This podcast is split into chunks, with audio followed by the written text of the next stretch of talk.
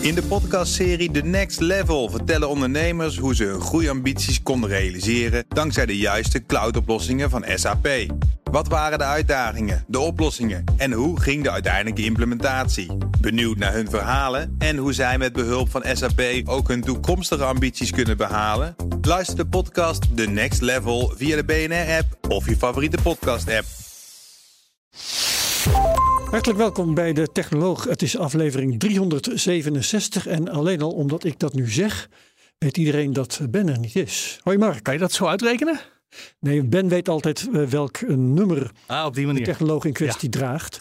En als ik het weet, dan is Ben er dus niet. Dat is ongeveer de redenering. En dan ben ik er. Mark Beekhuis. Ja, leuk.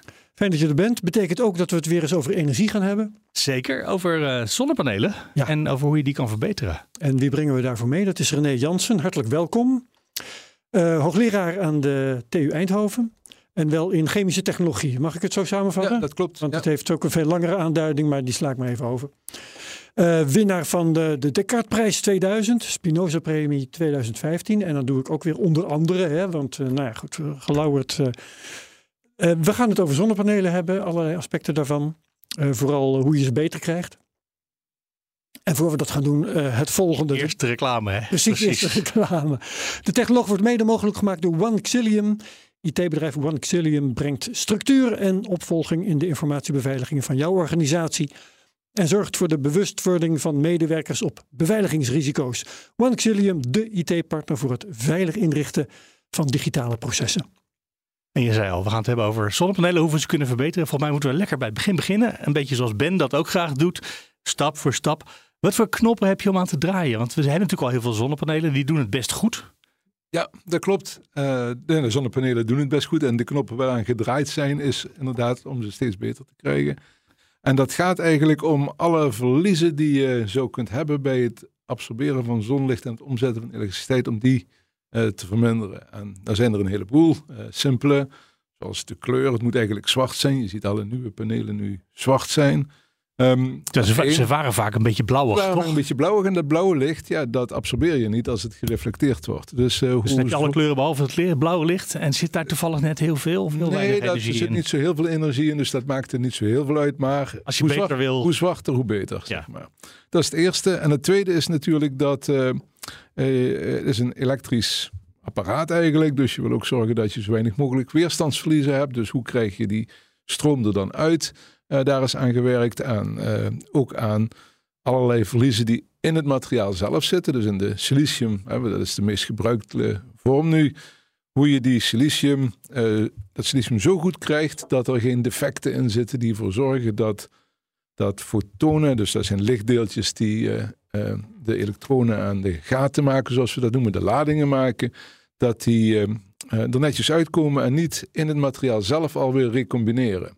Dus dat kan ook zijn, je maakt eigenlijk in een zonnecel is eigenlijk onder invloed van licht maak je ladingen, die wil je eruit zien te krijgen, maar dat is een soort, uh, ja, soort uh, ja, je hebt plus en minnen, dus die willen graag tegen elkaar Die aan. willen graag weer tegen ja. elkaar aan en je wil ze eigenlijk uit elkaar hebben. Dat is het hele probleem. Dus die willen op elkaar uh, en je moet ze uit elkaar halen en dus is een soort strijd, zeg maar, tussen ze eruit halen en, en ze laten recombineren, zoals dat dan heet. Ja, tussen winst en verlies. Ja, en nou, als je dat steeds beter kunt, uh, en dat gaat in kleine stapjes uiteraard. Dat gaat niet met, uh, met uh, van 10 naar 20 procent en dan nog, nog hoger. Nee, dat gaat allemaal met halve procent en procenten omhoog. En dan gaat het er natuurlijk Ja. om dat ja, ook op grote schaal te kunnen. er geen doorbraken dat je ineens van 10 naar 30 gaat? Nou ja, dat was niet, dat, zeg je nee, net. Maar nee, nee, die zijn er eigenlijk niet. Dit zijn altijd kleine, maar belangrijke stappen die samen opgeteld ja, je tot een hoger niveau tillen. Wat, wat voor soort stappen moeten we dan denken? Een heel ander materiaal? Of, uh... Nee, het is eigenlijk, uh, dus als je naar de siliciumzonnecel kijkt, is het hetzelfde materiaal. En zijn er in de, recente tijden zijn er eigenlijk allerlei nieuwe materialen opgekomen die, die, ja, die eigenlijk silicium al een beetje naar de kroon steken. Hè? Dus ze proberen beter te maken of in combinatie met silicium een betere zonnecel te maken. En nou ja, dat ziet er nou zo uit dat ja, daar wel, wel echte toekomstmuziek in zit. Je moet zien dat, uh, dat de silicium zonnecel die haalt nou eh, in het laboratorium zo net iets boven de 26% efficiëntie. En dat begint zo'n beetje in het maximum te worden wat je überhaupt met silicium kunt bereiken. En uh, die efficiëntie, dat is 26% van het zonlicht, dat is 26, energie, die wordt dan stroom. Ja, 26% van de zonlichtenergie wordt elektrische energie. En de rest is warmte? De, de rest is warmte. Zonde. Zonde, ja. Zonde. Dus ja, je zou denken van dat moet beter kunnen. Dat kan ook beter. Ja, wacht even, want, want, want daar wil ik meer van weten. Uh, ik heb gelezen, dat heb ik dus ja, van horen zeggen, zou je kunnen zeggen, dat er, het theoretisch maximum is 29 procent. Ja, dat, dat klopt een klein beetje. Uh, ook niet helemaal. Het, het, is een moeilijk verhaal. Uh, kan ik misschien beter eerst uitleggen wat, uh, wat silicium is. Silicium is een halfgeleider. Ja. En een halfgeleider die hebben wat heet dan een bandafstand. En die bandafstand, dat is eigenlijk een soort energieafstand. En nou is het zonlichtspectrum uh, bestaat uit heel veel verschillende fotonen. Blauwe fotonen, groene, rode, infrarode, nou, allerlei soorten fotonen. Ja, kleuren. En, kleuren. en, elke kleur staat voor een bepaalde hoeveelheid energie. Ja, hè? Inderdaad. Ja. Hè, zo blauw de, heeft meer dan blauw rood. heeft meer energie. Dus met, met een blauw foton kun je een relatief grote bandafstand uh, overbruggen. Het gaat over de, de, de afstand van de elektronen tot de kern? Of nee, is het nee dat? dat is een moeilijke. Ja, je zou het eigenlijk kunnen vergelijken met, uh, met uh, springende kikkers. Uh, Ja, het is een kwestie van optillen Het is eigenlijk. eigenlijk een kwestie van optillen. Ja. wat wil je Hoe- dan op? Het elektron. Het, ja, toch elektronen. Je De fotonenergie, de, de energie van het foton helpt als het ware om het elektron op te tellen. Niet Dus fysiek omhoog, maar in de grafiek omhoog. Ja, de een hoger. Dus energieniveau. ja. eh, je ja. Ik zeg net, je kunt een beetje vergelijken met kikkers. Als je heel veel kikkers hebt, zijn er die hoger kunnen springen dan anderen. De wat vitalere kikkers die springen wat hoger. En Ja. nou, die zijn in staat om een hogere, ja, een hogere sprong te maken. Dus En de, en de vergelijking is, vind ik al heel goed, want eh, de vergelijking met kikkers geeft ook al aan dat ze niet echt meewerken. Nee, ze werken niet echt mee. nee. Dus fotonen die, eh, die eh, wil je absorberen. En als je een silicium pakt, dan heb je een bepaalde bandafstand. En dat, bepaalt, dat is eigenlijk de hoogte van die sprong. En sommige van de fotonen kunnen die sprong wel maken. En sommige kunnen die sprong niet maken. En degene die nou de eh, sprong wel maken. En misschien daar zelfs overheen gaan. Die verliezen hun energie en warmte. Want die extra energie die ze zegt dat ze eh, nou één energiestap moeten springen, maar ze kunnen er twee springen, dan verliezen ze die extra energiestap eigenlijk gewoon in warmte. En fotonen die lager kunnen springen, die, die, ja, die worden helemaal niet Nou, geabsorbeerd. dat helemaal niet. en, en dat beperkt dus je, naarmate je een, een, een zonnecel hebt met, zoals het dan heet, één halfgeleider, dan kun je, eh, moet je een soort keuze maken. Ja. Alleen, alleen precies die, die bandafstand, zo noemde je dat. Hè? dat zijn de af, Dat is, alleen, dat is de energie die je kunt winnen. En al het andere wat daar niet precies in past, dat raak je dat kwijt. verlies je. Dat Of het nou te veel Ja. of te weinig Ja. is. Ja, dus eh, eh, wat, wat er over is, dus je, fo- stel dat je fotonen tot en met rood licht kunt absorberen, dan worden eigenlijk alle blauwe fotonen en groene fotonen, die geven uiteindelijk net zoveel energie als één rood foton. Dus je verliest eigenlijk wat van hun energie. En alle fotonen die in het nabije infrarood zitten, dus minder energie hebben, ja, die absorbeer je niet. En dat maakt dat er een soort optimum is van als je een, een bepaalde bandafstand kiest voor een zonnecel, dan Ehm, als je die bandafstand groter maakt, dan wordt de spanning groter, maar de stroom lager. En andersom, als je hem kleiner maakt, wordt de stroom groter, maar de spanning lager. En dus je hebt twee kruisende, grafieken, twee kruisende grafieken. Eentje die toeneemt en eentje die afneemt. En ja, dan zit het maximum ergens in het midden. En dat is ongeveer waar silicium zit, niet precies, maar ongeveer. En dan kun je maximaal een rendement halen van 33% Eh, silicium zit daar net een beetje scheef naast, dus dat komt dan ongeveer uit op 29% We halen nou Ja. in het laboratorium, of haalt men, ik moet niet zeggen we, maar men kan 26% halen. En dan, dan zit je bijna aan Dan de zit je limit. echt dichtbij. Ja, Wat Ja, halen maar jullie dat zijn in dus het lab? materiaaleigenschappen. Want- Sorry. Ja, wat, wat halen jullie in het lab? Je zegt de ze, maar niet we. ja, wij werken niet aan silicium Ah, ja. dus, eh, dus eh, vandaar dat ik eh Ja, anderen zeg, andere ja. eh, mensen zeg. En die, die, eh, die kunnen dat soort percentages halen. Als je dat vergelijkt met de panelen die, die nu op je dak liggen, of die je nu kunt kopen, die zijn zo'n 22, misschien 23 procent een hele goede. Eh, dus dat zit er al niet ver vandaan, maar Ja. ja. nog een klein beetje. Nou, Dus er is nog wel wat winst te boeken. Maar een grote stap, dat is, daar moet je echt iets anders voor verzinnen. En ja, daar zijn we mee bezig Ja. om die grote stap te zetten. Want ik heb een half jaar geleden of zo een lezing van u gezien. Ergens in Ja. Eindhoven. En daar kwam een percentage theoretisch van 68% uiteindelijk eh, Ja. uit de mouw. Toen dacht ik, nou, als je in plaats van 22, 68 hebt. Dat vind ik wel een sprong. Dat, ja, Ja, ik- dat is wel een sprong. Maar dat is ook niet over- eentje die je in één dag zet. Dat is niet zo eentje die je in één dag zet. eh, eh, zeker niet. Maar dat is wel het theoretisch maximum. En die 68% die wat je dan doet, is eigenlijk een heleboel verschillende zonnecellen stapelen. Met allemaal verschillende bandafstanden. En dan maak je eigenlijk voor elk stukje van het zonlichtspectrum een afzonderlijke zonnecel. En dan kun je eh, voor elk zonlichtspectrum deel, zeg maar, voor het blauwe deel, voor het groene deel, voor het rode deel, voor het iets meer Haal je eruit wat erin zit. Maak je een, een zonnecel die precies goed is. En dan kun je inderdaad het rendement eh, flink opvoeren. Ik geloof wel dat dit een echt theoretisch getal was, zeg ik uit. Was het, niet het zo is dat je oneindig veel laagjes had of zo? dat je het, is dan dan oneindig, het is dan oneindig veel lager. dat Maar, is maar iets wat nee, nooit iemand gaat bouwen. dat gaat niemand bouwen. Maar je kunt wel met, eh, met, met twee of drie lagen of vier lagen kun je al behoorlijke stappen zetten. Dus als je het maximum voor twee lagen ligt bij ongeveer 33% Het maximum bij twee lagen, eh, bij, bij één laag, sorry, één laag is 33% Bij twee lagen wordt het al 42. Bij drie wordt het al 48. En bij vier ga je over de 50% heen. Dus je kunt echt wel stappen zetten. Die stappen zijn nog niet gezet. Hè? Daar zijn we mee bezig. Eh, eh, alhoewel er zijn wat voorbeelden van hele exclusieve materialen met zes gestapelde cellen die al bijna 50% rendement halen. Maar dat zijn cellen die je eigenlijk niet kunt bedenken dat die ooit op grote schaal en op grote oppervlakken toegepast Nee, die gaan we niet op ons dak leggen, maar misschien wel op een eh, ruimteschip of zo, waarvan je zeker wil weten dat die heel lang heel veel stroom En opwekt. waar je een hoog budget voor hebt. Ja, waar gewoon Dat- geld ja. nauwelijks een rol speelt. Ja, maar ja, goed, dat, dat, dat, dat snap ik. Dat is ook interessant. Eh, zeker interessant. Maar Daar ja, hou jij ons- niet mee bezig. Ik, ik vind. eh, we- lager dan jullie?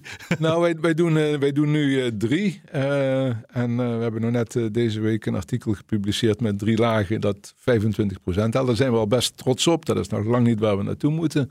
Want we willen dat echt boven de... Ja, dan heb je een veel ingewikkelder systeem wat toch nog steeds maar 25% Ja, klopt. haalt. Maar ja, dat zijn wel op een heel ander, Andere soorten. andere soort. Dus je moet, ja, ook daar moet je eigenlijk elke keer weer onderaan beginnen. Ja, ja, Eh, ja, ja, ja. En, en dan langzaam zien hoe ver het komt. Eh, Zit daar nog steeds dat silicium in of zit je dan Nee, wel we- toch met andere materialen? Nee, wij werken eh, niet meer met silicium. Helemaal niet. Helemaal niet. Eh, dat hebben we wel gedaan commu- met, met, samen met collega's uit Delft. Maar eh, in Eindhoven hebben we alleen maar naar eh, silicium, of naar siliciumvrije, naar, dat heet dan organische of perovskiet zonnecellen gekeken. En daar kunnen we allerlei soorten stapelingen maken. Ehm, ja, en dat proberen we steeds beter te doen. En, en dat zit niet ver van wat je nu met silicium kunt bereiken. En de bedoeling is uiteraard om dat eh, ja, echt nog een stuk beter te krijgen. Ik hoor je nou twee eh, dingen zeggen waarvan ik dacht dat we ze apart zouden gaan behandelen, maar dat geeft niet. Eh, je zei organisch en perovskiet. Ik had begrepen dat er een categorie zonnecellen was, ik zou maar zeggen silicium, maar dan waar je perovskiet bij gebruikt. Ja. En ik had begrepen dat jullie ook bezig waren met organische zonnecellen. Maar jij Het- het is- verenigt meteen die Ja, twee dingen kijk, in, één eh, nieuw. eh, silicium, perovskiet en organische halfgeleiders zijn allemaal vormen van halfgeleiders. En je kunt ze eigenlijk in allerlei soorten combinaties gebruiken en, en, en bij elkaar zetten. Zullen we eerst hebben over dat perovskiet? Ja.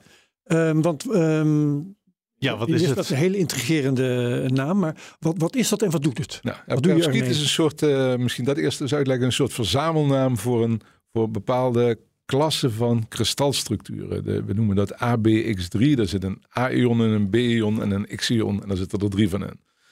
En er zijn heel veel perovskieten bekend en eh, eh, eigenlijk pas een aantal jaren geleden, een jaar of 15 geleden, is er een artikel gepubliceerd waarin die perovskieten, eh, die meestal op basis van zuurstof eh, waren gemaakt, dus waarbij X dan zuurstof is, eh, nu vertaald werden naar halogenen, en met name bromides en jodides.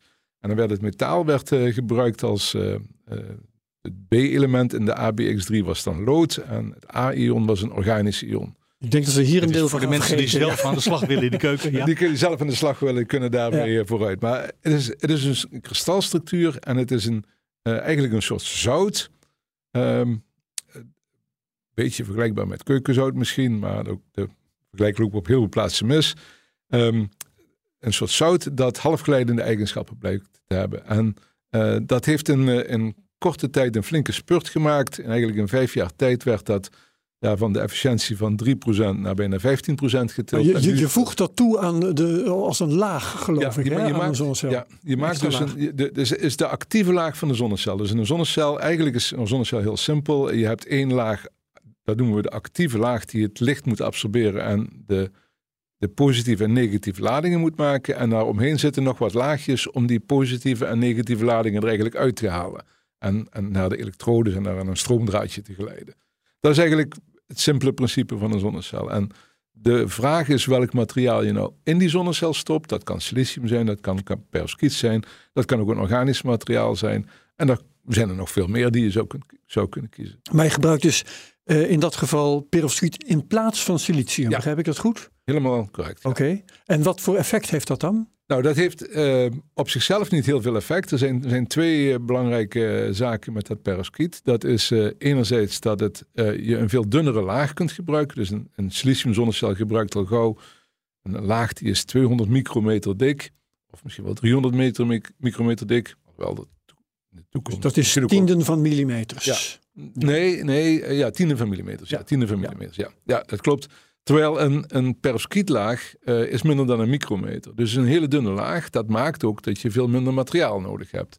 Een van de, van de duurste componenten van een silicium zonnecel is nog steeds het, het silicium. En minder dan een micro, dat is een duizendste van een millimeter waar je het dan over hebt. Ja, dat is een hele dunne laag. Echt veel minder. Uh, dat is één voordeel. Het tweede voordeel is, en dat kun je helemaal niet in silicium bereiken, is dat door de samenstelling van dat composiet, van dat perovskiet te veranderen, bijvoorbeeld door uh, uh, lood een beetje te vervangen door tin of door het uh, iodide wat erin zit te vervangen door bromide, kun je die bandafstand heel mooi veranderen. Dus je kunt die bandafstand, je kunt eigenlijk een hele verzameling van halfgeleiders maken met die perovskieten.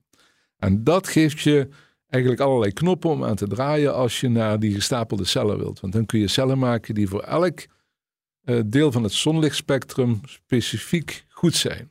En dat kun je met silicium niet.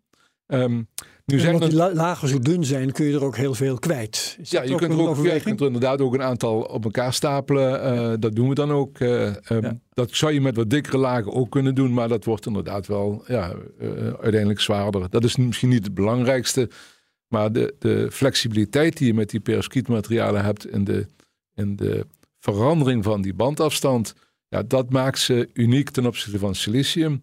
Plus het feit dat ze eigenlijk relatief simpele materialen zijn. Eigenlijk had niemand gedacht dat je met zoiets simpels zoiets efficiënt zou kunnen maken. Want het is een kristal, maar daar zitten stofjes doorheen. Is het een soort verontreiniging? Het, het, is een, nee, het is een, het is een kristallijne verbinding, maar waar silicium echt uh, als, als, als helemaal als een blok kristal gebruikt wordt, zijn dit allemaal hele kleine kristallijne domeintjes die naast elkaar liggen ook een beetje wanorde in zit. Er zitten korrelgrenzen in, zoals we dat noemen. En die, daar is nog veel discussie over of je die nou wel of niet moet hebben. Maar ze zijn er. Uh, en we proberen dus uh, ja, die perovskieten uh, bijna zo goed te krijgen als silicium. Dat is ook gelukt. Hè. De, de beste perovskiet zonnecellen die zijn ook al over de 25%. Dus daar zit maar een fractie van silicium vandaan. En eigenlijk is de, de gedachte nu een beetje dat als je silicium cel en een perovskietcel combineert, dat je dan nou echt hoge efficiënties kunt. Er zijn ook echt dit jaar al wat voorbeelden van geweest. Nou, recent twee weken geleden is het record bijna voor zo'n silicium perovskiet tandemcel, zoals ze dat noemen. Dat zijn twee cellen die op elkaar gestapeld zijn. Um, is al naar 34% in het laboratorium. Aha, en dan, dan ben je over de 29 en zelfs over de 33% Dan ben je over de 33% ja. heen. Dus dat is, dat is echt, echt een bijzondere stap. En dat en dat is een beetje de toekomstmuziek die er is. Uiteraard, dat is nog steeds op laboratoriumschaal, kleine schaal en, en nog, niet, nog niets wat je kunt kopen. van een centimeter in vierkante Een centimeter, een vierkante centimeter of soms ja. zelfs minder dan een vierkante Want dit is allemaal nog niet commercieel Nee, dat is niet commercieel. Nee, nee. nee. Dat, dat, uiteraard wordt daar ook aan gewerkt. Dat, dat ja, zit er aan te komen. Hè, daar, daar doe je het voor. Daar doen we het voor. Hè. En we willen graag uh, ja, bijdragen aan hernieuwbare energie. Daar hebben we gisteren weer gehoord over het klimaat Oh, dat we drie graden omhoog gaan, nou dat willen we beperken. Daarvoor is zonne-energie essentieel. En hoe efficiënter we dat kunnen doen, hoe minder oppervlak we nodig hebben, hoe, uh, hoe sneller we aan die eindstreep zijn dat we uh, misschien naar de afkoeling van de aarde gaan. Ja, waar ik dan in, in, ja, ik ben in allerlei aspecten dan geïnteresseerd. want je, dit, dit, gaat natuurlijk alleen werken. Hè. Dat hogere rendement ga je alleen incasseren als je zonnepanelen kunt maken die, uh, die hogere opbrengst hebben, maar ook verder uh, niet slechter zijn dan de zonnepanelen die we nu voor spotprijzen uit China kunnen laten komen. Ja. dus um, als je met perovskiet wilt gaan werken en met verschillende lagen en dergelijke, ja, dan gaan die dingen vast duurder worden.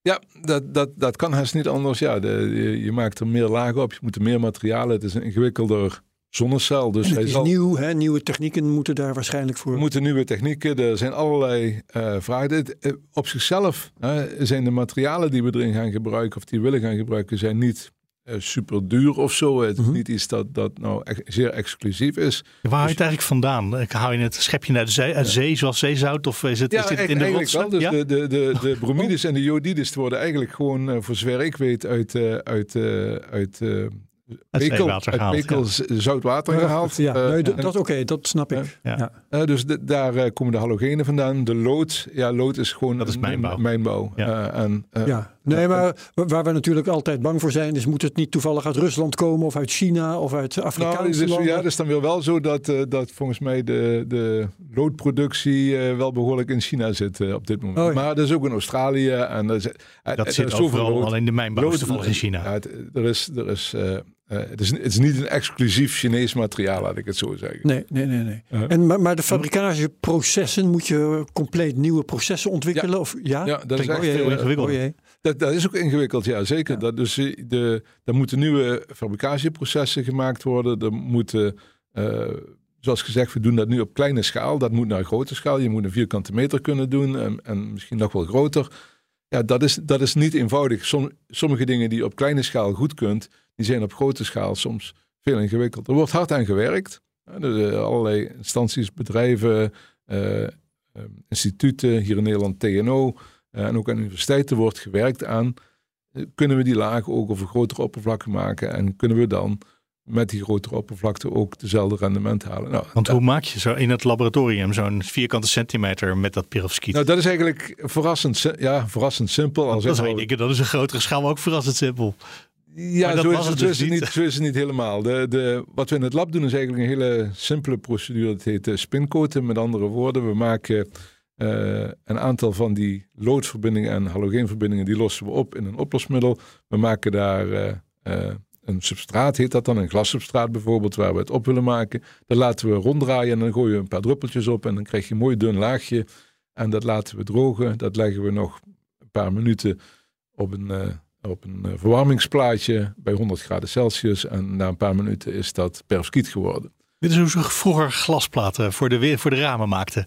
Ja, het is een beetje... Ja, je, ja, maar dan op een andere schaal. Ja, op een andere schaal. Dus, eh, de, en, en dat kun je ook vertalen naar eh, allerlei druktechnieken. vergelijkbaar met, met, met, met het heet dan slot die coating. is een van de technieken die gebruikt wordt waarbij je eigenlijk een dunne vloeistoffilm aanbrengt op een substraat. Dat kan een glasplaat zijn, maar dat kan ook iets flexibels zijn. Die daarna gedroogd wordt ehm, en misschien verwarmd wordt om die kristallisatie, om die kristalletjes te maken waar ik het eerder over had. Om die ehm, goed te krijgen. En dan kun je daar een zonnecel van maken, ook op grote schaal. Dat is ook al. al Maar ik, ik vis hier wel iets eh, interessants uit op, vind ik zelf tenminste. Ehm, eh, nou begrijp ik ook waarom je het over allerlei bestanddelen los had. Over jodide en bromide en, eh, en eh, lood en al die dingen meer en tin. Ehm, we hoeven niet naar een perovskietmijn of iets dergelijks. Nee, die hè? Dat- je niet. maakt Nee. dat thuis in de keuken bij wijze Ja. van spreken. Als je die elementen maar hebt Ja. die je noemde, die je moet, je in moet het uiteraard zitten. Je maakt het zelf. je maakt ja, je moet die elementen wel van tevoren in een andere verbinding omzetten, maar dat is een beetje chemie, zou ik maar zeggen. Ehm, eh, dus je begint met een loodhalide en een, eh, en een zout, een, een bromidezout of een jodidezout, en dat voeg je samen in een oplosmiddel om een laag te maken. En dan heb je die laag, want dat zit ik maar de hele tijd vraag ik me al af. Dan heb je zo'n die actieve laag die je net beschreef. En daar komt zonlicht op. Waarom zou in hemelsnaam elektronen in één keer denken: oh, maar nu willen we allemaal linksaf, zodat Ja. er een stroompje gaat lopen? Oké, daar, is, daar is een slimme truc op. Daar is een slimme truc op. Eh, dus inderdaad, eh, als je gewoon zo'n laag maakt, dan weten de elektronen en de positieve ladingen niet welke kant ze uit zouden Nee, daar Dus begint het bij. Dus wat we dan doen is, eh, is eigenlijk heel simpel. We zetten aan de boven- en de onderkant van die laag zetten we een andere materiaal neer dat selectief elektronen of positieve ladingen doorlaat. Dus eigenlijk een soort filter. eh, eigenlijk een soort grenswak zou je kunnen zeggen. Ja, je mag er wel door of je mag er niet door. En da- daardoor komen de elektronen aan de ene die kant elektronen hebben geen voorkeur, maar die kunnen gewoon de ene kant het wel en de andere kant niet uit. Het Eigenlijk komt het daarop neer, ja. is gewoon random bewegingen alle kanten uit. Ja, dat misschien niet voelt- helemaal, misschien, maar, Nee. maar min of meer dat, zo. dat voelt alsof er namelijk dan daar ook weer iets van winst te halen zou moeten zijn. Als je die elektronen kan uitleggen, deze kant is leuker. Ehm, nou, wat we eigenlijk proberen te doen, dat, dat, is, een, dat is een goede vraag. Ja, dat is een goede vraag. Dat kun je natuurlijk doen met ladingen. Kun je, er, je kunt er een, een, een spanning over zetten, maar elke spanning die je eroverheen zet, is eigenlijk een verlies voor Ja, de zonnecel. Verlies van ja. dat wil je eigenlijk niet. Dus je wil eigenlijk dat die elektronen en gaten zo. Dat is ook een van de trucken die we proberen te, te bereiken, is dat die elektronen en gaten zo goed mogelijk weten welke kant ze uit moeten. En eh, dat betekent dat die selectieve contacten die we hebben, aan de ene kant voor de elektronen en aan de andere kant voor de positieve ladingen, dat die selectieve contacten ja, zo selectief mogelijk zijn. En, en, dat, en nou, daar zijn wel ideeën over, er zijn wel trucs om dat voor elkaar te krijgen. En dat, dat werkt eigenlijk best goed. Het kan nog wel wat beter, maar het, eh, eigenlijk Daar best- zit ook de grote winst. daar, daar kunnen we geen factor 10 meer halen. En geen, zelfs geen factor 2 meer halen. Eh, Maar ehm, als ik, als ik eh, nu even eh, de balans opmaak, zo, tussenbalans dan maar even. Eh, we kunnen met deze materialen van 29% rendement maximaal naar een procent of eh 34. vier en- ik denk dat 40 moet kunnen. Ik zou 40. Even, ik- ik- ja, ik, ik hoop het wel. Even, Ja, nee, maar dat is. hier niet afkloppen, maar eh, dat is wel het doel. Om, dat eigenlijk is het doel zo zijn Ja. hè, om, om over een aantal jaren, en ik, het aantal dat is altijd ingewikkeld om dat te voorspellen, maar om wat we nu hebben aan 20% zonnecellen die we nu kunnen kopen, om dat te tillen naar 30% binnen niet al te lange tijd en, en, en, en eigenlijk een uitzicht te bieden op 40%. Dat zou, daar maken we, Ja. daar maken we echt een Maar wordt het meer dan twee keer zo duur? Want dan wordt het... Juist. Oh, ja, oh, dat is Ja, daar wou ik dus naartoe. Dat ben ik aan het opbouwen. Eh, Excuus. als je dat rendement wilt verdubbelen, daar heb je het dan over. Hè? Even, even gunstig rekenen. Eh, dan betekent dat dat eh, de zonnecellen die je daarvoor gaat gebruiken, die mogen maximaal twee keer zo duur zijn. En je wilt ze natuurlijk, want anders heb je er niks aan, wil je dat het niet twee keer zo duur is. Dus eh, is dat vooruitzicht er? Nou ja, er zijn, daar, kijk, A, eh, zonnecellen, de, de prijs van de zonnecel zelf is maar een deel van de totale prijs die je betaalt. Want je Ja. moet ze ook op je dak laten leggen, ze moeten geïnstalleerd worden. Daar- dat blijft allemaal hetzelfde. Dat blijft ja. allemaal eh, erbij. Hoogte. Dus, dus Ja. die, die prijs wordt niet in één keer twee keer zo hoog. Nee. Dat is één ding. Het tweede is, ehm, ja, op een gegeven moment ligt je dak vol. En wat dan? Als je dan nog meer energie wil halen, dan is de enige manier om, als je een consument bent, om eh, ja, toch maar een efficiëntere cel op je dak te leggen. Alles zelf vervangen. Alles zelf vervangen en, en of misschien een upgrade geven. Ik weet niet of dat kan in de toekomst, maar dat zou je kunnen bedenken. De andere is dat eh, als je kijkt naar eh, hoeveel energie we in Nederland nodig hebben, dan is dat, zouden we dat kunnen ondervangen met ongeveer, ik schat, 3, 4 procent van ons landoppervlak. Dat lijkt heel weinig, maar als je dan bedenkt hoe groot dat is, dan is dat toch iets van 40 bij 40 kilometer. En dat is een flink stuk, hè? Ja, Als je daar, als je daar eh, 20 bij 40 van kunt maken, ja, dan wordt het alweer Oké, de helft kleiner. ja, Dus, dus er zijn echt wel incentives om het beter te maken. Ook moet je bedenken dat... Ik zit even te rekenen, 20 bij 40, dat is ongeveer Noord-Holland of zoiets, toch? nee, nee, eh, nee. dat is, Nee, is dat geen Nee, eh, 20 kilometer breed en dat het- 40 hoog? provincie Utrecht zal iets van 50 bij 50 zijn. Oh, oké. Nou, dan, oh, dan kan het... nou, volgens mij is dat nog wel groter dan dat. Maar, goed, ik, ik ken de getallen niet uit mijn hoofd. Nee. Maar, Nee. maar iedereen Maar snapt... het is wel een iedereen, serieus eh, gebied. Ja. ja, iedereen snapt dat, dat hoe minder oppervlak we nodig hebben, Ja, hoe minder aanslag het zal zijn op onze leefomgeving. En eigenlijk wil iedereen dat wel. Uiteraard is de prijs belangrijk en die prijs die zal initieel ongetwijfeld hoger zijn dan, dan wat we nu betalen. Voor, dat, dat kan niet anders. Maar bij alle technologie geldt van eh, hoe meer ervan komt, hoe lager de prijs. Als je kijkt Ja. naar de prijs van siliciumcellen, in de laatste tien jaar alleen al is die met een factor 10 naar beneden gegaan. Een factor 10, hè? dat is niet zomaar een Ja. klein beetje. Maar dat is nu dus een probleem. Hè? Als je met nieuwe eh, panelen komt, met een nieuw productieproces enzovoort, dan is het een heel groot probleem dat Het energienetwerk dat die voor zit. eh, panelen die maar half zo effectief zijn, eh, dat die zo goedkoop zijn. Ja, ja ze zijn, nou, we moeten misschien omdraaien. Ze zijn heel effectief, want ze zijn al over de 20 procent. En ze doen het al best nog goed, effectiever te maken. Ehm, en eh, ja, dat, dat zal inderdaad de eerste keer eh, met wat extra geld. Ik begrijp me goed, ik, ik, Ja. pro- ik probeer niet vervelend te doen Nee. over het werk dat je doet en hoe nuttig dat is. Maar het, eh, het is wel Het is zeker een barrière waar je overheen Ja, moet. het is zeker een uitdaging. Dat, dat, dat zie je ook. Hè. Dus in Nederland, Nederland is de laatste vijf jaar van het achterlopertje in Europa tot de koploper geworden in Europa en zelfs in, bijna in de wereld van het aantal zonnepanelen per hoofd van de bevolking. We zijn echt, we steken bijna bij kop en schouders boven de rest uit. Ik geloof dat alleen Australië het beter doet. En een land waar niet heel veel zon schijnt, is dat best een prestatie. Ja. Dat komt, de enige reden waarom dat komt, is dat de elektriciteitsprijs uit zon vergelijkbaar is met de elektriciteitsprijs die wij gewoon betalen. Ja. Uh, het, wordt, het wordt rendabel om dat te doen. Absoluut. Dat is voor de consument uiteindelijk de enige, ja, misschien niet de enige, maar wel een heel belangrijke incentive. Ja, het voelt ook goed, maar dat, voelt, is, uh, ja. dat is niet de belangrijkste reden voor veel mensen. Het is, het is niet voor heel veel mensen de belangrijkste reden, maar en zeker niet voor de, voor de early starters, zeg maar, voor de mensen die, die, ja. die graag vooraan meedoen. En, en, maar op een gegeven moment voor het, het, het grote deel van de bevolking is dat uiteindelijk die tellen in de portemonnee, wat levert het mij op? En dus moeten we, ja, als, als wetenschap en als technologie, moeten we proberen uh, ja, die prijs omlaag te houden en laag te houden en betere cellen te maken. En dat gaat ons zeker lukken. Uh, tot welk punt en wanneer, ja, dat zijn toekomstvoorspellingen die heel moeilijk te doen zijn. Ja. ja, want een deel van de prijs zal ook zitten in hoe lang zo'n paneel meegaat. Ja. En ik kan me voorstellen dat een ingewikkelder paneel eerder slijtage vertoont of wat er ook misgaat aan de binnenkant, ja. dan een simpel uh, silicium ja. uh, met één laagje. Zeker waar. Dus, dat uh, maakt hem weer duurder. Ja, sorry, ik ga even bij jouw ja, nee, somberheid. Dat, dat, dat maakt, de, dat maakt de, de, de uitdaging groter. Ja. En, en Ook, als we dat niet oplossen, het inderdaad duurder, want dan zou je de panelen vaak... Maar zijn, zijn er al gegevens over? Hè? Als je zonnecellen met perovskiet uitrust, uh, hoe gaat dat er dan uitzien qua duurzaamheid? Ja. De duurzaamheid in, in de trant van uh, hoe, in de betekenis van hoe lang het meegaat? Ja, dat, nou, er zijn zeker uh, testen aan gedaan. Uiteraard kunnen we niet in een paar jaar getest hebben of ze 20 jaar, jaar meegaan. Nee. Dat, dat is duidelijk.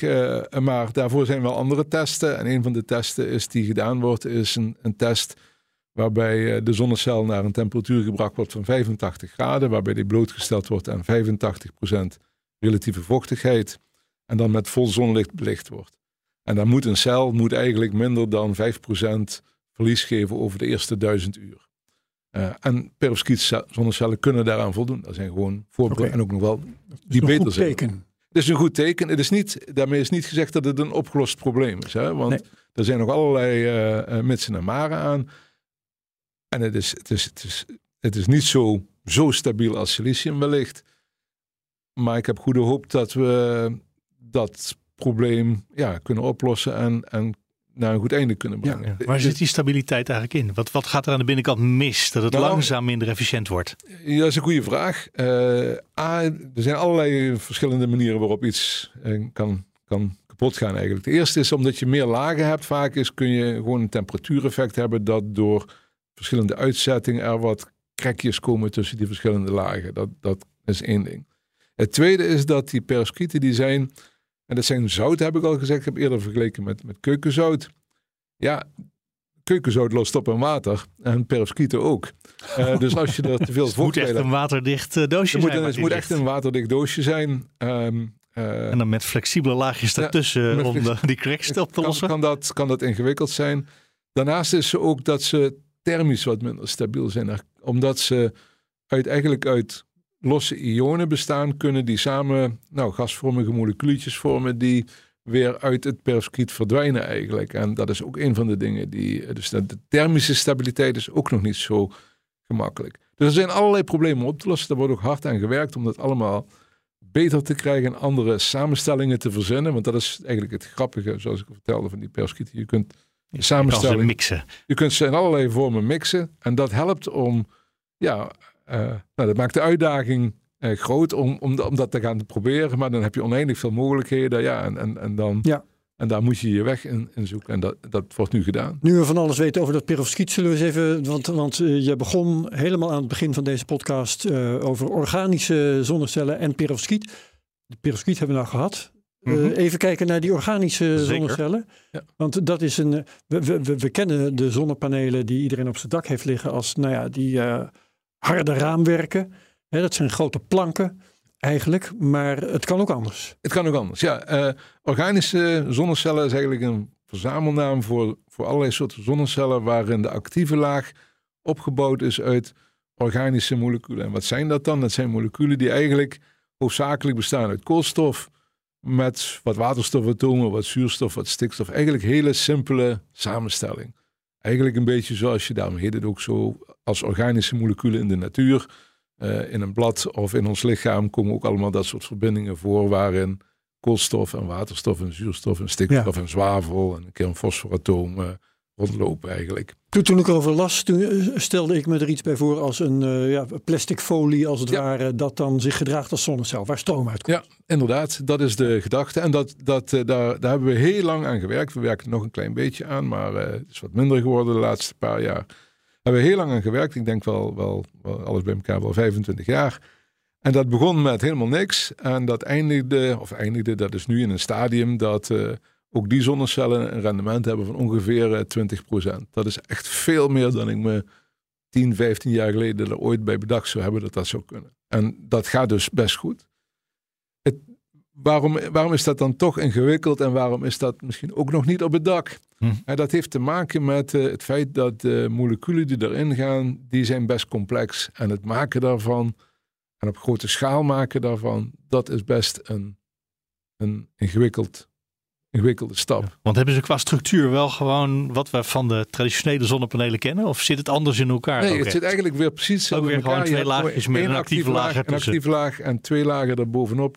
Eén aan de onderkant en één aan de bovenkant. Die uh, ervoor zorgen dat de positieve en negatieve ladingen op de goede manier eruit komen. Het is alleen wat dunner en flexibeler. Het is, het is nog dunner dan zo'n perovskietcel. Dus als je over een perovskietcel praat, dan praat je over een micrometer tot een, tot een halve micrometer. Bij een organische zonnecel praat je nog eigenlijk over een factor 10 minder. Dus, dus 100 nanometer. Die zijn dat is zo dun dat je het haast weer op een plank moet spijkeren. Ja, ja, ja, ja, ja, je moet ze. Kijk, daarbij zal de, de, de, de zonnecel, de verpakking van de zonnecel zal veel dikker zijn dan, ja. dan de zonnecel zelf. Dus ja, het is echt een heel dun laagje. Um, ja, dat, dat heeft weer voordelen in het feit dat je minder materiaal hoeft te gebruiken. Maar zoals gezegd, de materialen die nu die 20% halen, of bijna 20% moet ik zeggen, de, records die, die, die zijn over 19,5, zoiets. Um, die, uh, ja, die, zijn, die zijn zo uh, bijzonder in elkaar gesleuteld dat het best ingewikkelde moleculen zijn geworden. En best ingewikkelde ook polymeren die best ingewikkeld zijn. Die moeilijk op grote schaal te maken zijn uh, met dezelfde rendement. En, en dus is er nu eens een soort beweging gaande om, om daar. Oké, okay, we weten dat het nou kan met heel ingewikkelde moleculen. Kunnen we ze nou versimpelen zodanig dat we ze ook op grote schaal zouden kunnen maken? Ja. Dat is wel een beweging. Je, je zei daarnet, uh, we hebben daar veel werk aan gedaan en dat doen we nog een beetje. Net alsof je er eigenlijk mee gestopt bent. Nou ja, als wetenschapper moet je af en toe eens wat anders gaan doen. En net ja. als iedereen in de wereld. Uh, je is altijd hetzelfde blijven doen, is niet goed. Dus ik, op een ah, gegeven moment is bij ons die perovskiet uh, ja, in, in, het blikveld gekomen. En daar zijn we mee aan de slag gegaan. En dat is nou eigenlijk wat...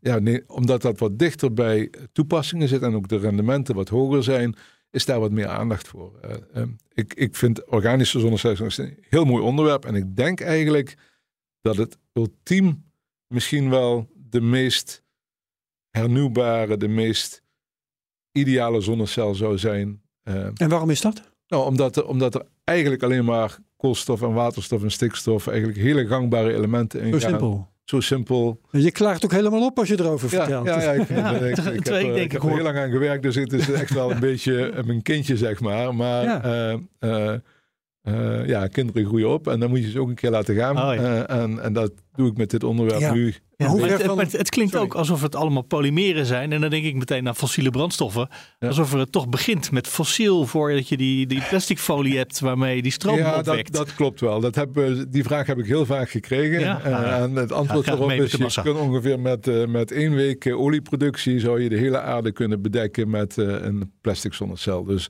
Um, ik ja, denk dus het dat is dat, wel fossiel, maar uh, in verhouding is, niks. Ja, in verhouding eigenlijk niet veel. Nee. Ja, nee. Dus de, de, de, dat, is niet, dat is niet het grootste probleem, denk ik. De, de uh, grootste probleem bij de organische zonnecellen zit het A in, de, in, de, in het feit dat de materialen relatief duur zijn en het feit dat de de stabiliteit ook nog wel echt een issue is daar. Hmm. Ja, want plastics, even, even heel oneerbiedig zeggen dat het plastics zijn, hè, ja. uh, hebben de neiging om te degraderen, zeker in de zon. Ja, Ja, dat klopt. Ja. Dus daar, daar, daar is hard ook aan gewerkt om dat goed te krijgen. Ja. Ehm, nou, en dat, dat, ook daar is best veel vooruitgang geboekt. Maar ook dat is, het probleem is nog niet helemaal opgehelderd in de zin van dat er nog geen materiaal is dat en goedkoop is en goed is en heel lang meegaat. Als je een goede zonnecel wil maken, moet je eigenlijk aan die drie voorwaarden voldoen, zeg ik altijd. Het moet, het moet goed zijn, Ja. het moet goedkoop zijn en het moet lang meegaan. Ja. En als je één van die twee mist,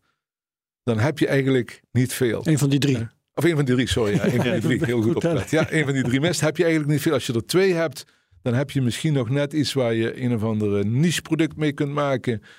En als je er maar één hebt, dan moet je echt zorgen op zoek gaan naar die tweede. Of naar die derde. Ja. En, en echt, zon, de silicium zonnecel is goedkoop, is goed en gaat lang. Wat lang mee. En, en alles wat dat moet vervangen, moet dus minimaal zo goed en zo goedkoop en zo stabiel zijn. En eh, toen we met deze technologie begonnen, toen had je het ook over organische cellen met perovskiet. Ja. Dus je kunt dat ook nog combineren. Ja, er zijn eh, voorbeelden van waarin bijvoorbeeld in die lage gestapelde cellen, dus waar je twee halfgeleiders stapelt, eh, waarbij één laag een, een perovskiet is en een andere laag een organische zonnecel is. Collega's uit Duitsland hebben dat laten zien en die hebben daar ook eh, 24% rendement mee gehaald. Dus dat is, dat is heel behoorlijk. Ehm, en daar zit best muziek in om dat nog verder uit te proberen. Eh, met alle voor- en nadelen die in allebei de materiaalklassen zitten. Maar uiteraard, Ja. ja, wetenschappers proberen elke keer weer een stapje ver, iets wat er nog niet is, te laten zien.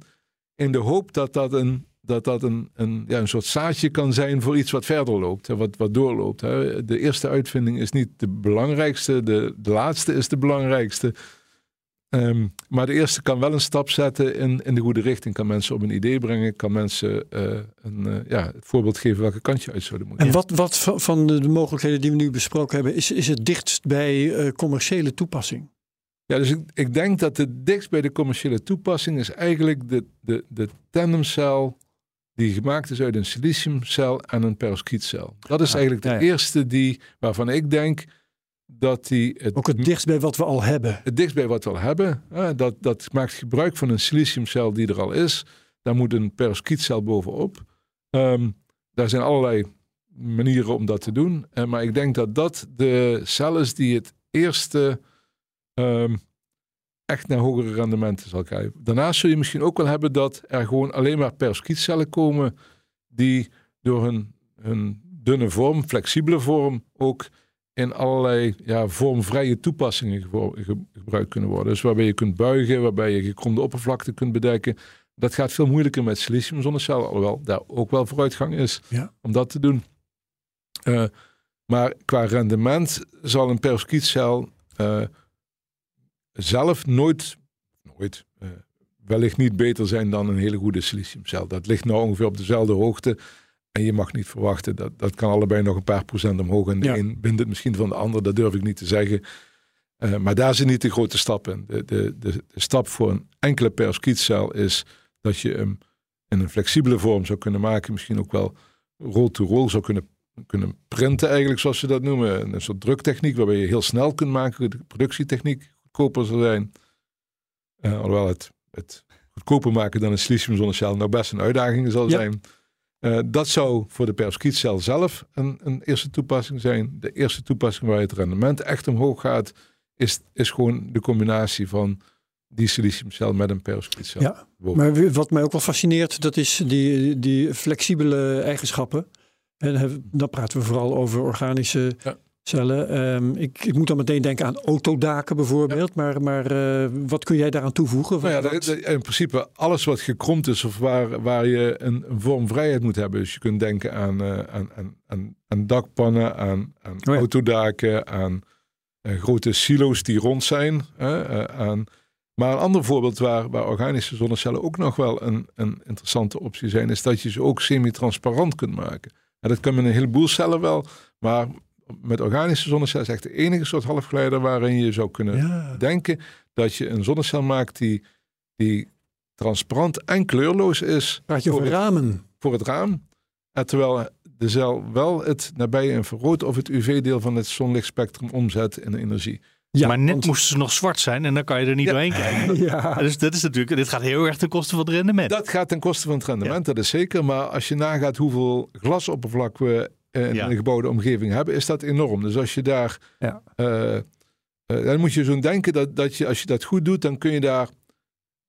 Nou, wij, hebben eh, nu een artikel dat hopelijk een keer geaccept- geaccepteerd wordt, eh, wat, eh, wat, wat aan 5% rendement zit, waarbij het echt gewoon Ah, ja. doorzichtig is, in het zichtbare gebied kleurloos is, terwijl het nabij infraroodeel wel geabsorbeerd wordt. Dus dan heb je gewoon het raam zoals je het kent. Daar merk je Eh, niks aan, nou, bijna niks. niks, Het is een klein beetje, beetje grijs. Het is een beetje donkerder. Dus Ja. de- je hebt niet helemaal nul absorptie van het zonlicht, maar een klein beetje. Het wordt Ja. er grijzer van, zeg maar. Eh, Ja, helemaal maar 5% kleurloos. zien we dat?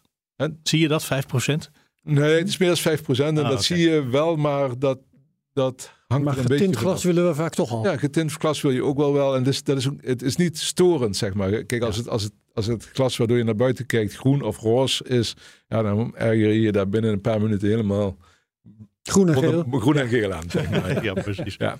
Eh, maar als het eh, wat grijs is of wat, eh, wat blauwig is, dan valt dat eigenlijk wel mee. En, en, en dus is de gedachte is proberen ja, het toch zo, zo goed mogelijk in de transmissie te krijgen. En in transmissie van, van zichtbaar licht. En zo goed mogelijk te krijgen Ja. in, de, in het rendement van de Maar als je zegt, ehm, als we willen er graag doorheen kijken en eh, om dat voor elkaar te krijgen, nemen we genoegen met 5% rendement in Ja. plaats van pak een beet 30. Ja.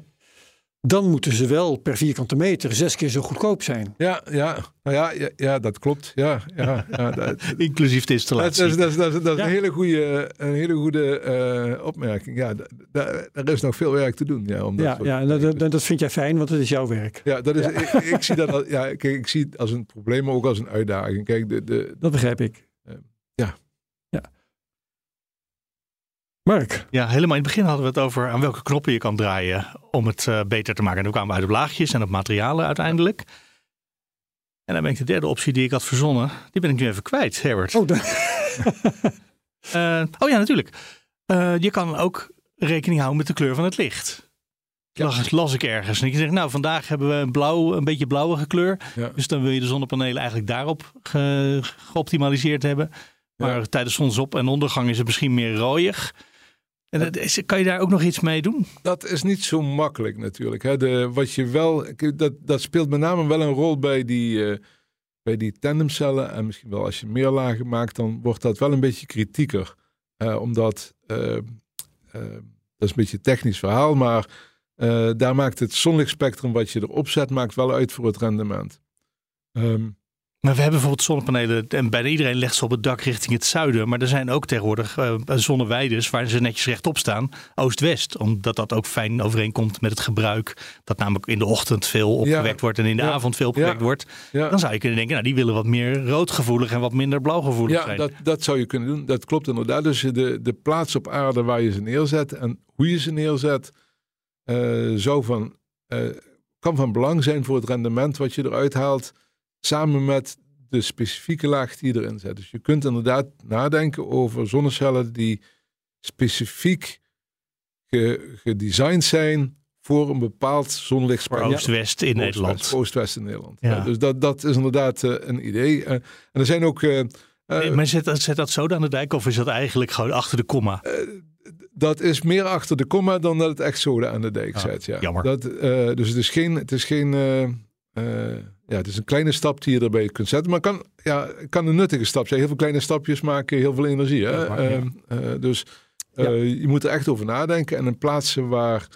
ehm, ja, bijvoorbeeld in, in gebouwen. is- ja, we zijn nu gewend om inderdaad zonnecellen op daken te leggen. Maar misschien gaan we binnenkort wel toe naar gebouwen waar gewoon de hele façade al zonnecel is. Ja, daar kun je niet veel richting meer bepalen. Dat gebouw staat er één keer. En dan kun je best zeggen dat aan de noordzijde of aan de zuidzijde, of in de, in de noordzijde staat niet heel veel licht, maar aan de oost- en westzijde van dat gebouw, je een andere zonnecel plaatst dan aan de zuidzijde. Dat zijn er meer van dit soort kleine stapjes die je zou kunnen Er zijn- bedenken? er naast allerlei- die, al die grote stappen die we net besproken hebben. Ja, er zijn eh talloze Honderden. stappen. Hè, er honderden, hè, mensen denken nu ook duidelijk na over eh, zonnecellen die van twee kanten belicht kunnen worden. En dus Oh. dat, dat, dat lijkt een beetje vreemd van waarom zou je dat willen. Maar eh, als je nu kijkt naar de, naar de zonneweiden die gemaakt worden, dan zie je hier allemaal zonnecellen netjes op een rijtje staan. als je, en vaak staat dat op een grasland, maar als je daar een mooi wit vloertje onder legt, dan komt er nog heel veel licht op die witte vloer die aan de onderkant Mm, gereflecteerd ja. kan worden. En daar kun je weer een procent of één of twee aan rendement bij winnen. Dus er zijn allerlei ideeën over kleine stappen ja, die uiteindelijk eh, wel van belang zijn. En je moet ze in ieder geval uitzoeken. Hè. Dus dat is altijd mijn stelling een beetje van wat voor een gek idee je ook hebt in het gebied van energie, probeer het vooral, want het zou zomaar eens kunnen dat het werkt. Ja. En eh sommige Een grote kun je- spiegel aan de andere kant een neerzetten. grotere spiegel Ja. aan de andere kant zetten. Proberen eh, ja, zoveel mogelijk van het licht in te vangen. eh, en, eh, en zo weinig mogelijk kwijt te raken. En ja, of dat uiteindelijk gaat helpen of niet gaat helpen, is aan de voorkant vaak heel moeilijk te voorspellen. Toen wij 25 jaar geleden begonnen met organische zonnecellen, waren we al heel blij toen we een 2% zonnecel hadden. En, en, en nu zitten we op bijna 20%. Nou, dat, Ja. dat lijkt, eh, en dat is gekomen door, door heel veel mensen die heel hard gewerkt hebben en hele kleine stapjes, maar heel veel gezet hebben. En jarenlang Ja, volhouden. ja, volhouden. Ehm, we, we hebben dus nu eh, zonnecellen die veel meer eh, opbrengen. Eh, de, de prijs is gigantisch omlaag gegaan. Nou, er zitten allerlei dingen zitten er nog in de pijplijn en zitten eraan te komen. Ehm, wat, eh, we, we- hebben intussen in Nederland ook weer een, eh, trouwens wereldwijd een discussie over kernenergie. Wat dan een, eh, de, het probleem zou moeten verhelpen dat zonne-energie er niet altijd is wanneer je hem nodig hebt. Ehm, maar om dat probleem te verhelpen kun je ook denken aan opslag. eh, Ja. En aan eh, het eh, omzetten van zonne-energie in iets wat je door een pijp kunt sturen ergens anders heen. En toevallig ben jij ook met dat soort dingen bezig. Ja, daar zijn we ook mee bezig eigenlijk op twee gebieden. Want inderdaad, hernieuwbare energie, zon en wind, die, die zijn er niet altijd. En zon is nog een beetje voorspelbaar en wind wat minder al. Ehm, eh, en Ja. inderdaad, we zullen toe moeten naar een soort manier van opslag. En die opslag, die, eh, die kun je op twee manieren bedenken.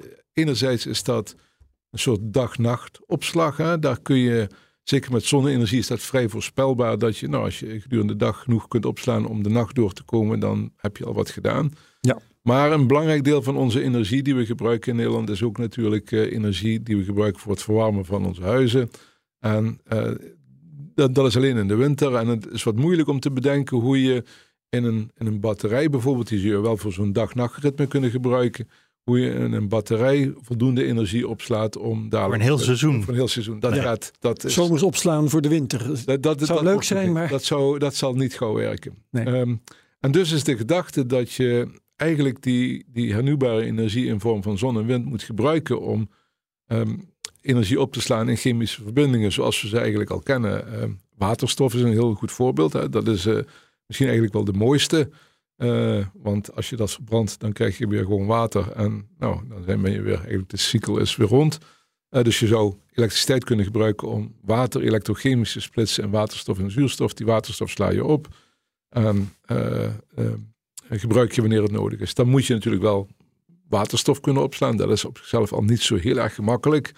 Want dat is niet zo makkelijk vloeibaar te krijgen of moet onder hoge druk. Dus dat Ja. is ook nog wel een punt. Maar dat is een van de manieren waarop je het zou kunnen doen. Er zijn ook andere manieren. Je kunt ook denken dat je CO2 uit de lucht vangt en daar probeert een brandstof van te maken. Gewoon weer aardgas van te maken. Dan moet je wel denken hoe je later dan weer die CO2 uit de lucht haalt en weer aardgas van maakt. Dus dat is nog wel een, een hele procedure. Maar ook daar wordt aan gewerkt en er ook met, met, met veel overgave aan gewerkt. En er zijn ook heel andere eh, manieren. Een collega bij mij aan de Universiteit in Eindhoven werkt aan ijzerpoeder. En, en denkt van, nou, als we dat ijzerpoeder verbranden naar ijzeroxide en daarna met waterstof weer terugbrengen naar ijzerpoeder, dan hebben we ook een soort brandstof. Dat is ook een, een Ja. interessante gedachte. Dat is voor sommige mensen een uh, gedachtesprong, maar ijzer kan gewoon branden. Hè? IJzer dat, kan eh, gewoon ja. branden. Ja, dus het roesten van, van, van ijzer is eigenlijk gewoon langzaam verbranden, zonder dat het echt heet wordt. Maar dat kun je ook eh, met zuurstof ook gewoon echt Dan verbranden. laat je het in de loop van de zomer weer op met zonne-energie. En dan Haal je je de verbranding eruit. En dan zou je het in de winter weer kunnen gebruiken. Dus er zijn echt allerlei soorten ideeën. Soms wat eh, simpel misschien, of soms wat, wat, wat, wat, wat waar iedereen aan zou kunnen denken. En soms wat verder gezocht. Maar echt die ideeën moet je echt allemaal uitzoeken of het werkbaar is en of het mogelijk is. En, en eh, we moeten toe naar opslag, dat, dat is denk ik nodig. Ehm, zeker op de eerste termijn. Misschien dat je op veel langere termijn zou kunnen denken dat we zoveel hernieuwbare energie maken over de hele wereld. Dat we alleen maar hoeven na te denken hoe we het verdelen al de tijd. Dat je hoeft niet meer op te slaan, maar er is, is altijd wel, ergens er is altijd wel ergens wat. Ja. dat is nog wel een hele stap verderop. En dat is ook nog wel een beetje de vraag met alle dingen die we recent gezien hebben over wie er aan de knop zit als er energie verdeeld moet worden. Ja. Nog wel eens een keer een vraag van uh, of we dat moeten willen. En van welk regime halen we het vandaan? Van welk regime haal je het dan en wie zit er ja. toevallig En dat we, ooit, dat we ooit energie zouden krijgen too cheap to meter. Dat uh, is een voorspelling uit de jaren 50. Uh, ja. Dat ging over kernenergie toch? Dat er kernenergie, ja, ja dat, dat zou zo goedkoop worden dat het niet de moeite meer zou zijn. Ja, dat zou kunnen misschien. Maar ja, het, grote nadeel van kernenergie vind ik dat uh, uh, we nog steeds kernafval maken, waarmee we generaties veel verder dan ooit ons CO2-probleem dat we nu veroorzaakt hebben, opzadelen om op te lossen. En ja, ik denk dat we die kant niet uit zouden moeten. Maar een beetje persoonlijke opvatting. Uh, iedereen moet. Dat maar over de opslag, want Herbert en ik hadden het van tevoren over. Je maakt uh, een zonnepaneel en dan maak je stroom, zei Herbert. Ja. En met die stroom maak je dan waterstof bijvoorbeeld. Ja. Maar dat kan, je kan gewoon uh, ja. water splitsen daarmee. Ja. Maar het kan ook, in ieder geval in theorie, in één stap dat je die stroom overslaat. Dat vond ik een inzicht. Een verrassing. Dat kan, uh, dat kan in principe, ja. Dus, uh, de, je, je kunt deeltjes maken die, uh, die zonlicht invangen en die katalytisch zo werken dat ze aan de ene kant misschien waterstof maken en aan de andere kant van de deeltjes zuurstof maken. Dat kan. En er zijn ook wel voorbeelden van dat dat kan. Dat is nog niet heel erg efficiënt. Technologisch is dan weer een beetje het ingewikkelde dat je die zuurstof en waterstof eigenlijk zo snel mogelijk van elkaar wil scheiden. Want, uh, anders gaat het reageren. Anders gaan ja. ze met een, grote, met een, grote, boom uh, met elkaar reageren. Dus uh, dat wil je eigenlijk ook niet. Um, dus ook daar wordt op allerlei facetten over nagedacht. Gewoon simpel, zeg maar, een zonnepaneel hebben en een electrolyzer hebben en dan die op elkaar aansluiten. Dat ja. is één optie. Klinkt wel overzichtelijk. De, de, de, optie, de andere optie is inderdaad iets maken wat, wat helemaal geïntegreerd is en wat deeltjes zijn en, en op de een of andere manier zuurstof en waterstof maken. Maar dan geen, geen stroomdraadje uitkomt, geen maar een pijpje waar ja, een pijpje gas uitkomt, van methaan of dus, waterstof. Ja, dus ik heb wel eens een keer vergeleken met, het zou misschien mooi zijn dat we in plaats van de zonnecellen die we nu op ons dak leggen, die elektriciteit maken, zonnecellen op ons dak zouden kunnen leggen waar de waterkraan op aansluiten. En aan de andere kant een leidingje maken naar de gaskraan waar we het, gasnet mee vullen. En uh, dat is een beetje een droom zoals je hem zou kunnen voorstellen. Dat is nog ja, ver weg. Ja, uh, maar dat is een beetje waar je heeft, aan zou Heeft iemand denken. een laboratorium waar zoiets... Nou ja, niet praktisch, maar in de werkelijkheid al bestaat? Nee, niet. niet Dit is ja, echt, echt verre toekomst. Is nou, nou verre toekomst. We kun- wij kunnen gewoon eh, ja, in, in, in een soort geïntegreerd systeem, hebben we al misschien wel, wel acht jaar geleden al een keer laten zien, eh, dat je gewoon een, een, een, zeg maar een zonnecelachtig iets in water kunt gooien. En dat begint gewoon aan de ene kant waterstof te bubbelen, aan de andere kant zuurstof te bubbelen. En, en dat doet het gewoon. Daar moet je er nog wat, wat, wat technologie omheen verzinnen om dat goed te krijgen. De vraag is, de belangrijke vraag is weer van, dat kan, maar wat kost het dan en hoe Mhm. stabiel is het? Dus je moet ook daar moet je die driehoek Stabiel is de levensduur. van stabiel, goed en het mag niks kosten, die moet goed zijn. Ja. En als dat goed is, dan, werkt, dan kun je er een product van maken. Maar als ik nou jouw oordeel eens vraag als vakman, wat, wat is nu het meest perspectiefrijk op dit moment? Wat zouden we het eerste kunnen tegenkomen in ons dagelijks leven? Ik, ik, denk, ik denk het, en daar is ook gewoon technologische eh, ontwikkeling nu, het, het gebruiken van hernieuwbare energie, hernieuwbare elektriciteit om waterstof te maken. Dat is de eerste stap die we Dat is chemisch gezien het simpelst. Dus toch een Ja. zonnepanelen, komt stroom uit en die stroom die, Ja. die hangen we ergens in een bak met water en er komt aan de ene kant waterstof en aan de andere kant Dat zuurstof is omhoog. eh, eh, Dat kunnen we nu al, want die systemen bestaan allebei. Ja. En die hoef je Ja. alleen maar aan elkaar te klikken. Ja, die bestaan. Maar goed, ook daar geldt weer dat, dat, dat niet- het moet, niet per het, se het- goedkoop, het, het moet niet per se goedkoop. Het moet, eh, moet Ja, dat per moet se het. goedkoop zijn. Hè? Dus het moet, mag niet te duur zijn. Nee. Het moet lang meegaan. Er moeten voor die katalysatoren die nu gebruikt worden.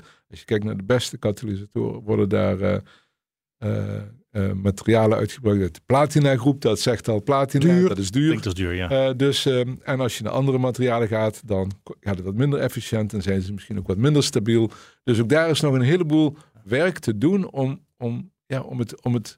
Maar kan zoiets concurreren met wat er nu in Rotterdam gebouwd wordt? Bij eh, de Shell en Eneco, die grote waterstoffabrieken willen maken daar? ja, uiteraard. Dat is, en Nou ja. die, die, die doen dat ook uiteindelijk op dezelfde, gaan dat op dezelfde manier willen Ja, maar doen. op een hele andere schaal. Terwijl ik Ja. wil dit gewoon lekker op mijn dak thuis Ja, oké, dat, dat, is, dat is een goede vraag. Dat, dat, dat is. ehm, kijk, eh, Daar durf ik het antwoord eigenlijk niet echt op te Daarom geven. is een goede vraag, omdat Je het antwoord er nog niet is. Jij wil denk ik niet per se je eigen waterstof opwekken en die alleen maar zelf Wil ik gebruiken. Je aan de buren. Ja. je wilt het aansluiten op een netwerk Ja. waarbij het, eh, Ja. iedereen die wat nodig heeft kan nemen en iedereen die wat kwijt wil kan Ja. geven. Ja. Maar goed, dan moet het nog steeds wel zo goedkoop gemaakt kunnen worden. Maar dat weten we dus kennelijk Ja. nog niet. En dat is van die fa- fabrieken in Rotterdam ook nog niet helemaal zeker wat het gaat kosten natuurlijk. Nee, nee. Nee, kijk, een waterstof in een grote fabriek, dat kun je echt wel controleren. In, in, in huis, een consument, moet je altijd een klein beetje voorzichtiger zijn natuurlijk. Want er één lekje en het kan ook een keer boem zeggen. Ehm, dat wil je niet. Eh, dus je moet dan de concentratieslaag houden. Je moet dat mengen met stikstof wellicht. Of met een, Mhm. met, eh, dus, eh, er is nog veel over na te denken hoe je dat in de praktijk zou moeten doen. Ja, chemisch kan het. En chemisch kan iemand het. kan het En, solderen die dat en, zou willen doen vandaag. Kijk, qua wetenschap kunnen we, nou, ik zeg niet alles, maar een heleboel. Best veel. Best veel. Of het technologisch kan, hè, dat, dat, is ook, eh, dat is vaak ook wel op te lossen. De uiteindelijke vraag is, is het dan ook stabiel en, en goedkoop genoeg? Ja, ja, ja. Als, het, als het aan die voorwaarden gaat voldoen, dan kun je er een product van maken dat opgenomen wordt door de consument.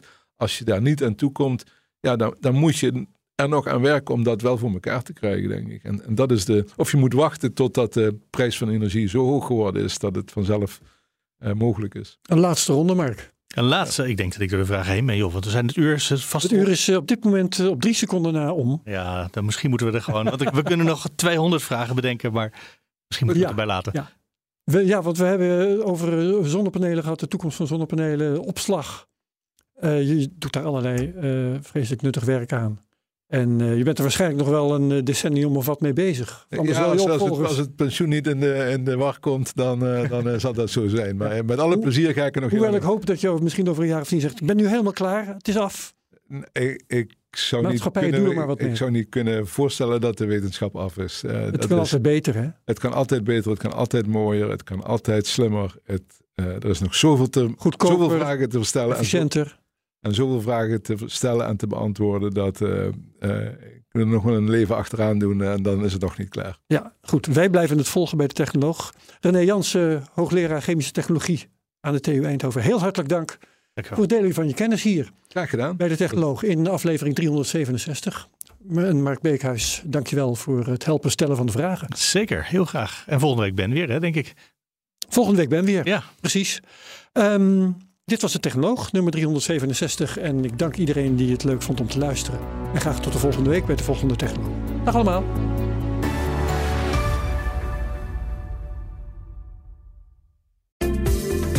In de podcastserie The Next Level vertellen ondernemers hoe ze hun groeiambities konden realiseren dankzij de juiste cloudoplossingen van SAP.